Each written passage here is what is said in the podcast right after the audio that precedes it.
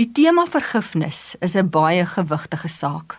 Dis moeilik om iemand te vergewe wat jou werklik seer gemaak het. Tog herhaal die Bybel dit keer op keer dat ons mekaar moet vergewe. In Efesiërs 4 vers 32 staan daar byvoorbeeld: "Wees goedgesind en hartlik teenoor mekaar en vergewe mekaar, soos God julle ook in Christus vergewe het." Om iemand werklik te vergewe, het jy God se hulp nodig. Dis 'n reis waar jy God se hand vat en besluit om te vergeef. Môre gaan jy daai persoon sien wat jy so seer gemaak het en dan gaan jy dalk twee tree teruggee. Ja, vergifnis is nie maklik nie, maar met God se hulp is dit moontlik. Ek wil jou uitnooi om nie langer uit te stel om te vergewe nie. Besluit vandag om hierdie reis saam met God aan te pak. Iemand vertel my van 'n ouerige man wat eers op sy sterfbed sy kinders vergewe het. Jare terug het daar iets slegs in hulle familie gebeur en hy kon net nie sy kinders vergewe het nie. Terwyl sy kinders keer op keer na hom toe gegaan het en om vergifnis gesmeek het. Hoekom vat dit baie keer eers 'n sterfbed vir ons om iemand te vergewe?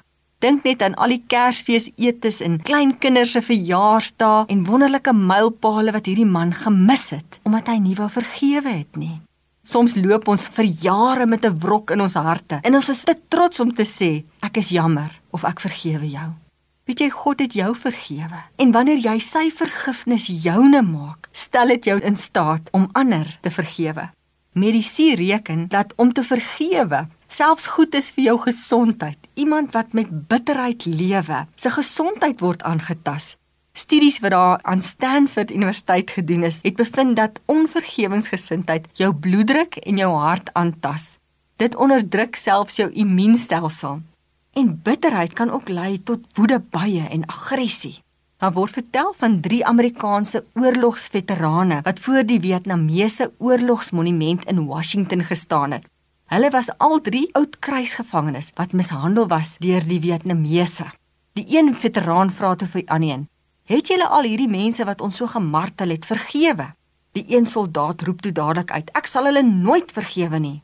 Die derde soldaat sê toe: Maar dan lyk dit vir my asof hulle jou nog steeds in 'n tronk het, nie waar nie?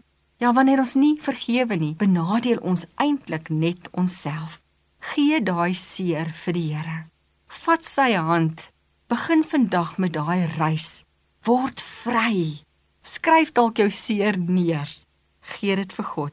Hou begrafnis en beweeg aan.